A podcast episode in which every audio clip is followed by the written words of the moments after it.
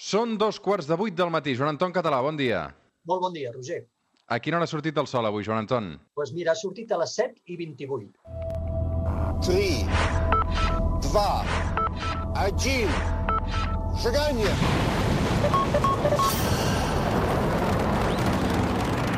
One small step for man, one giant leap for mankind.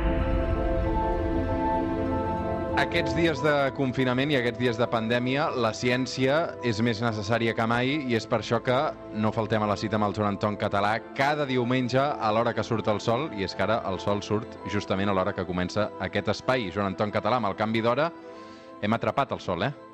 Ja l'hem atrapat i ve aquella temporada que sempre diem que t'agrada, no? Que és quan Mm. ja el sol, tenim més hores de sol al cel. El Joan Anton Català ja el coneixeu, màster en astronomia, astrofísica, químic quàntic. Fa poc, de fet, que ha publicat 100 històries de l'aventura espacial, un nou llibre sobre l'exploració espacial i que precisament aquests dies també eh, convé recuperar-lo perquè eh, s'entenen moltes de les coses que passen al planeta Terra i sobretot més enllà. Joan Anton, com van aquestes xerrades tan fantàstiques que organitzes a través de la xarxa i que molta gent sé que et segueix, molta gent sé que està enganxada i sé que et porta una feinada de por a tu. Sí, això és el que, el que és ciència en confinament, que és una mica el, el lema que, que he creat. Uh, les fem diàriament i si podem fer-ne dues, en fem una per, per nenes i nens i l'altra per tots els públics. Sí, du una feinada. El que passa que, com que veus que la gent ho segueix i, i que és útil, doncs això t'anima a seguir. I afortunadament ja m'està ajudant gent, estan uh, incorporant-se altres divulgadors de diverses branques científiques que ja agafen ells la, les conferències i això la veritat és que ha anat agafant volada. Mm -hmm. Avui amb el Joan Anton Català intentarem respirar una mica, deixar de banda per una estona el tema que últimament està acaparant tots els espais de ràdio, de tele, de diaris. Avui parlem d'un concepte químic, un concepte que forma part de tot el que existeix, d'aquest micròfon que estic fent servir ara per parlar-vos amb vosaltres des de Sabadell, el que fa servir també el Joan Anton des de Sant Quirze, del paper en què està escrit aquest guió que ara llegeixo, de tots els vostres transistors de ràdio, avui a la Terra es plana, els àtoms. A veure, Joan Anton, un àtom què és exactament? Sí, la primera cosa, Roger, és que jo, jo sóc a Sant Cugat. Ah, Sant Eh, Cugat, Sant Cugat, és veritat. Que Jo sabia que era la cosa pel Vallès, però tu ets a Sant Cugat. Molt bé. Els del Vallès, com al Vallès no hi ha res. Eh? I Molt per tant, doncs, ja, ja estem ben situats. doncs eh, la idea de l'àtom prové dels antics grecs i ells, eh, simplement en el raonament, com feien sempre, pensaven que si tu dividies una cosa, la parties, es anava esmicolant, es anava fent més petita i més petita, però que hauria d'arribar un moment en què eh, arribessis a obtenir una cosa que ja no es pogués dividir.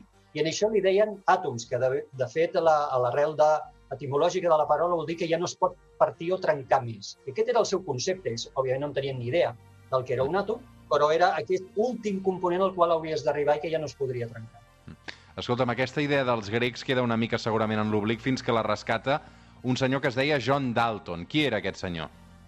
Eh, És un físic britànic del segle XVIII, fixa't si va passar temps, que va rescatar la idea mirant una mica el món de la, de la química. A la química s'havien descobert ja un munt d'elements eh, diferents i ell, el Dalton, va suposar que el que diferenciaria un element d'un altre seria aquests àtoms, aquestes petites coses indivisibles de les quals estarien formats. En això estava errat, no era això els que els diferenciava, però va ser el primer que rescata, a una època més moderna, rescata aquesta idea eh, atòmica. Pensa que en aquells temps els anomenats atomistes, que eren aquests pocs científics que creien en la composició mm, aquesta ínfima de la natura, eren considerats com a persones molt excèntriques. Uh -huh. Però a poc a poc crec que aquest concepte d'àtoms van agafar també més protagonisme, sobretot gràcies a un altre descobriment paral·lelament a tot això, que és l'electró, no? Exacte, aquest és el primer descobriment fonamental, es fa a l'any 1897, i ho fa el Joseph John Thomson, fent eh, uns experiments dins, dins d'uns tubs on tenia on feia una desca descàrrega elèctrica, aquests tubs s'anomenen eh, tubs catòdics, i ell va veure que aquesta descàrrega elèctrica estava formada per partícules, perquè ell el- la podia desviar cap a un costat del tub si posava un camp magnètic, si posava un imant. I així és com ell descobreix l'electró, que és, de fet, la primera partícula subatòmica que es descobreix i que és fonamental. Vol dir que fins i tot avui en dia considerem que realment eh, ja no és divisible, que és absolutament indivisible. I ell la descobreix i, a més, veu que té càrrega elèctrica negativa.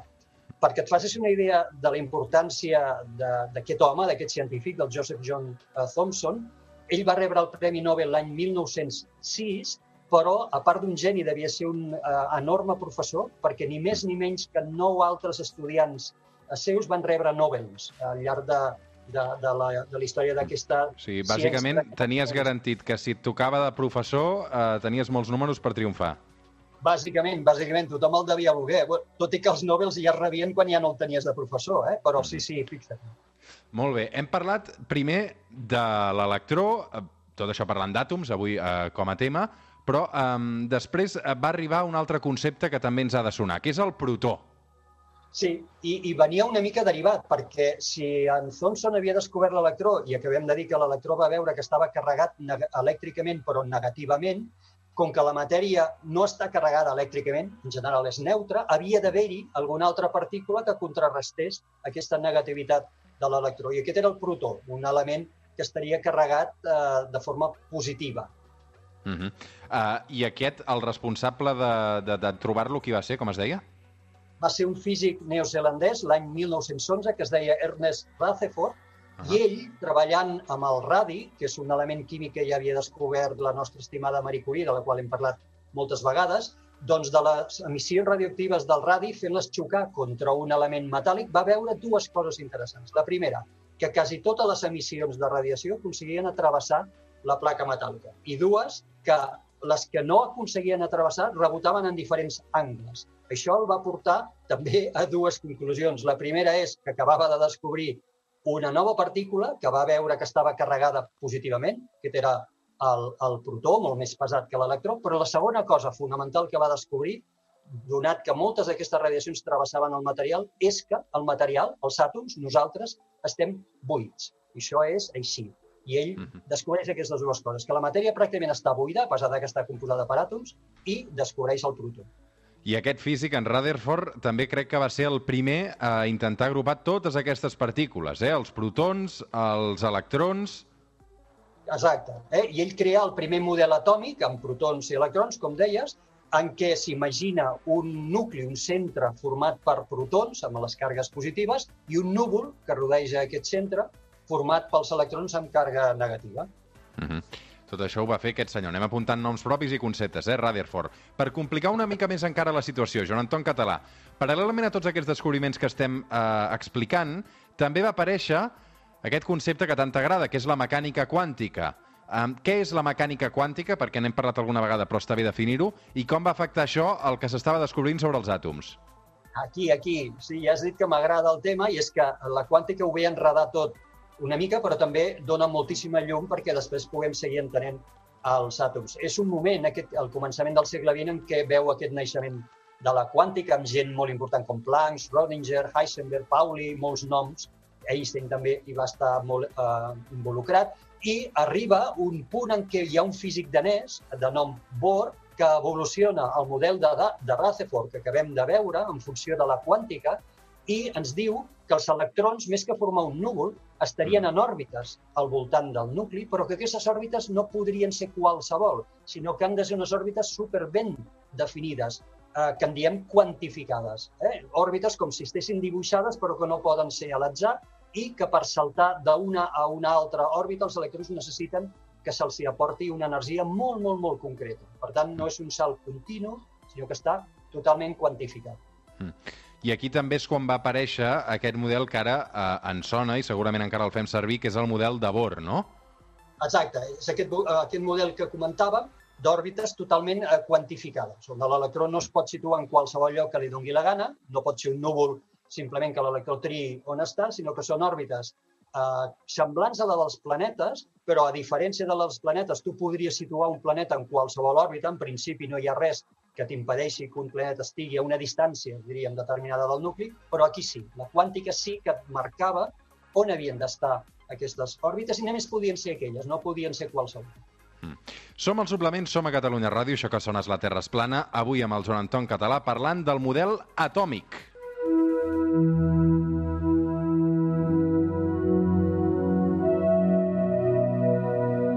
aquesta classe d'història barrejada amb aquesta classe de química i de ciència, suposo que aquests descobriments que em vas explicant, aquests models van afectar altres àmbits de la ciència i de la química, no?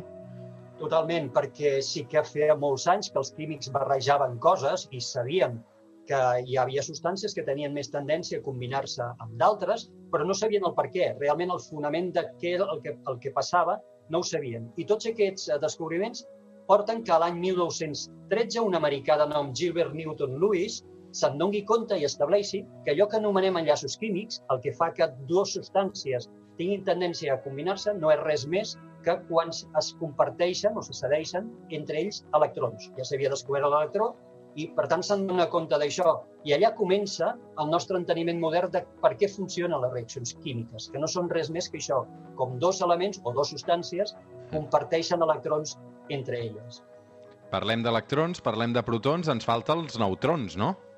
Exacte, faltava un, un element, eh, tot semblava estar superbé perquè teníem els protons i teníem els, els electrons, però els químics també coneixien uns, uh, uns uh, elements, uns compostos que ho hem anomenat moltes vegades, que es diuen isòtops. Els isòtops són varietats d'un mateix element químic. Per exemple, sabem que l'hidrogen té només un protó en el nucli, però ja havien descobert altres tipus d'hidrogen que n'anomenem avui deuteri o triti, que sent hidrogen igualment, pesen una miqueta més. Això volia dir que en el nucli no només s'havien de tenir protons, havia d'haver-hi algun altre component en el nucli que fessin pesar diferent en aquestes varietats d'hidrogen. Això eren els isòtops. I finalment, l'any 1932, eh, en James Chadwick descobreix el neutró, que és aquesta altra partícula que ens faltava, neutra, sense càrrega elèctrica, com el nom indica, però que eh, fa que els elements puguin tenir varietats entre ells, en funció del número de, de neutrons que tinguin.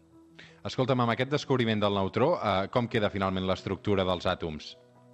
Queda similar a la que hem après a l'escola tots, que seria un nucli, però aquest cop ja format per protons i neutrons i unes òrbites perfectament descrites per la quàntica on hi ha els electrons. Mm -hmm.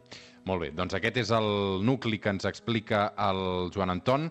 Avui, amb el Joan Anton, eh, parlant de tots aquests eh, conceptes eh, químics, quàntics, eh, científics, que va bé també eh, aprendre eh, amb la que està caient, perquè eh, tot això dels isòtops, Joan Anton, jo crec que n'havíem parlat alguna vegada, però no és un concepte fàcil, eh?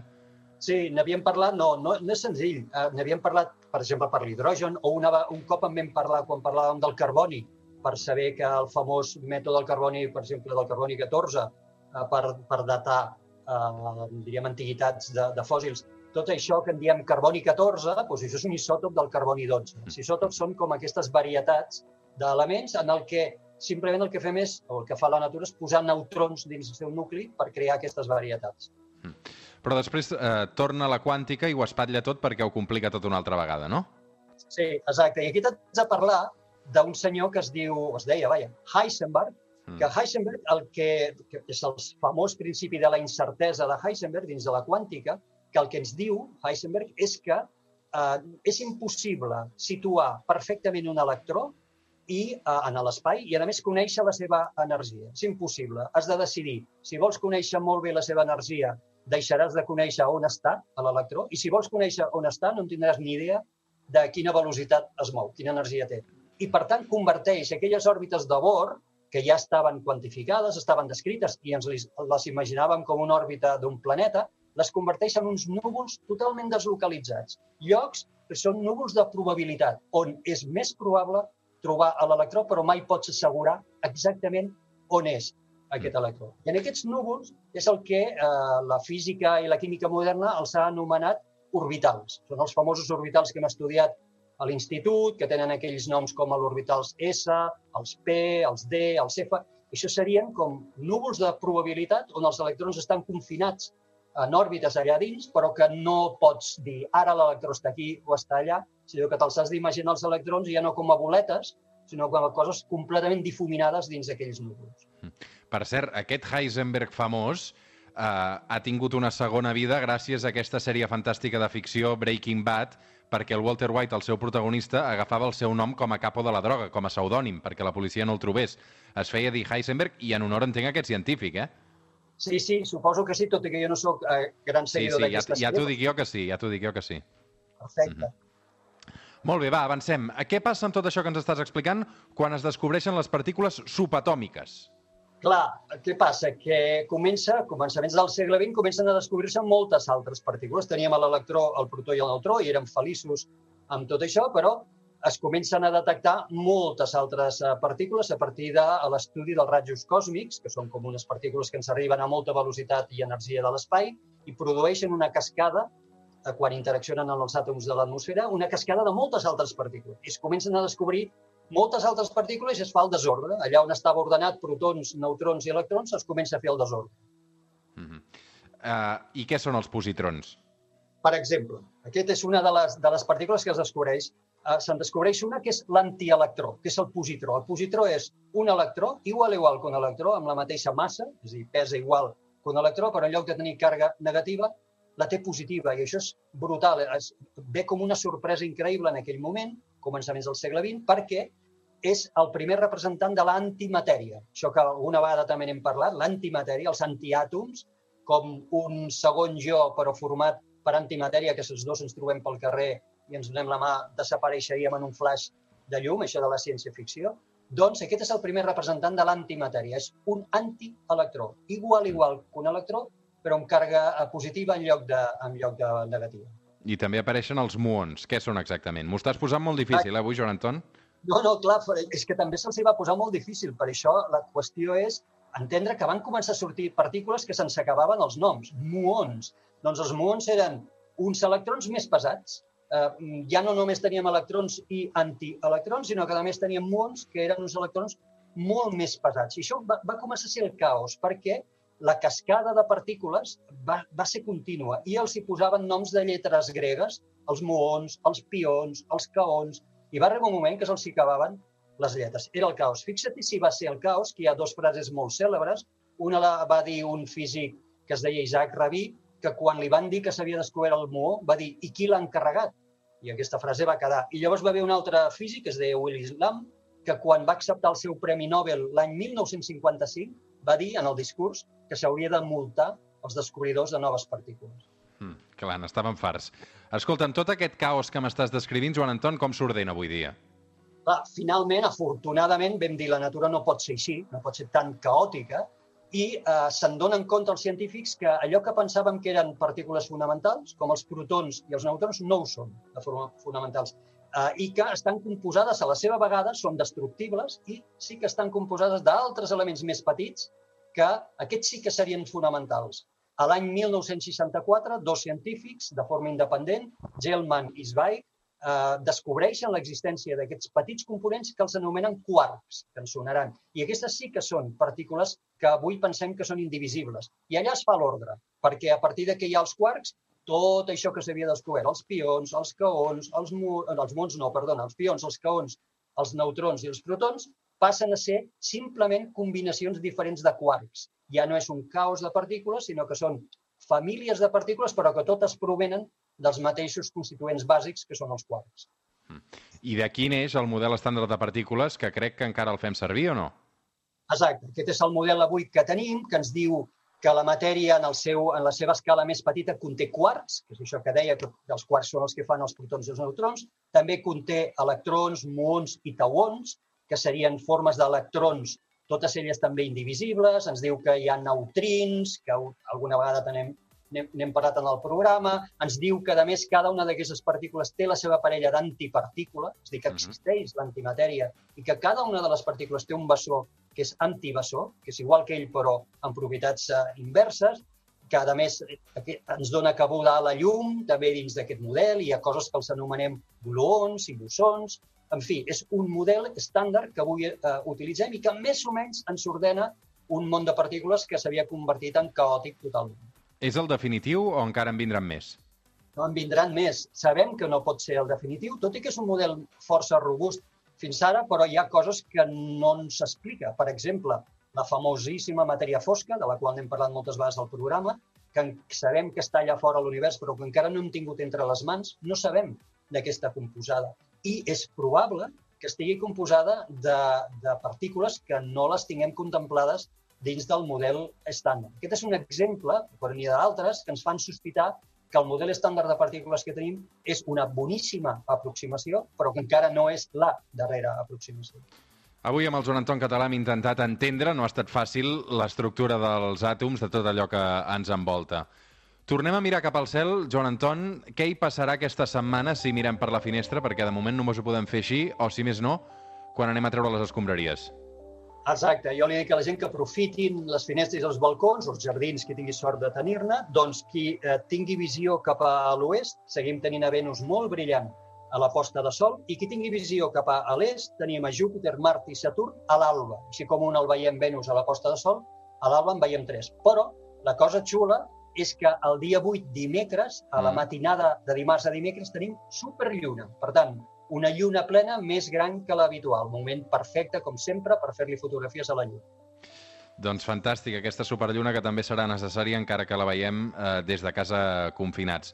Joan Anton, una abraçada ben forta cap a Sant Cugat del Vallès. Continuem parlant amb tu al llarg d'aquestes setmanes, cada diumenge a la Terra es plana a dos quarts de vuit del matí perquè la ciència, i més ara, és més necessària que mai. Una abraçada ben forta, Joan Anton. Gràcies igualment, Roger. Fem una pausa i de seguida tornem.